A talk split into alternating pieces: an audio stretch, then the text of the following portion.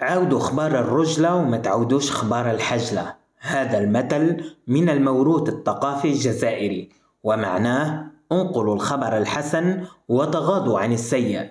لهذا المثل قصة متوارثة.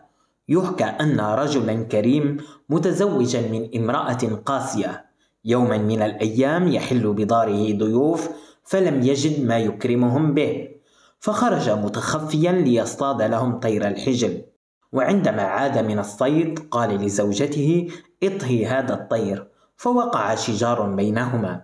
وإذ بالزوجة تمسك الحجل وترميه على وجه زوجها أمام الضيوف ومع كل هذا أكملت طبيخها وأكل الضيوف. وعندما حان وقت رحيلهم قال صاحب المنزل لضيوفه عودوا خبار الرجلة وما تعودوش خبار الحجلة.